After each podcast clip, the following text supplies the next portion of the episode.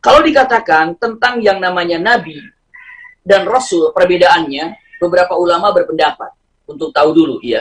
Dengan mengatakan apa itu nabi dan apa itu rasul. Ada yang mengatakan kalau rasul Allah uh, rasul adalah alladzi jaa bi syar'in jadid auha ilaihi bi syar'.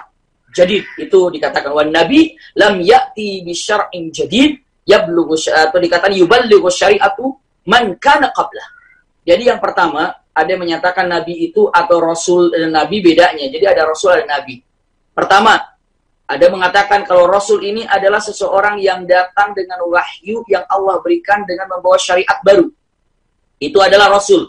Ya. Kalau nabi, ya, nabi ini adalah tidak datang dengan syariat baru, tapi apa melanjutkan daripada sebelumnya seperti nabi seperti nabi punten uh, nabi Musa nabi Harun nabi Harun nabi Musa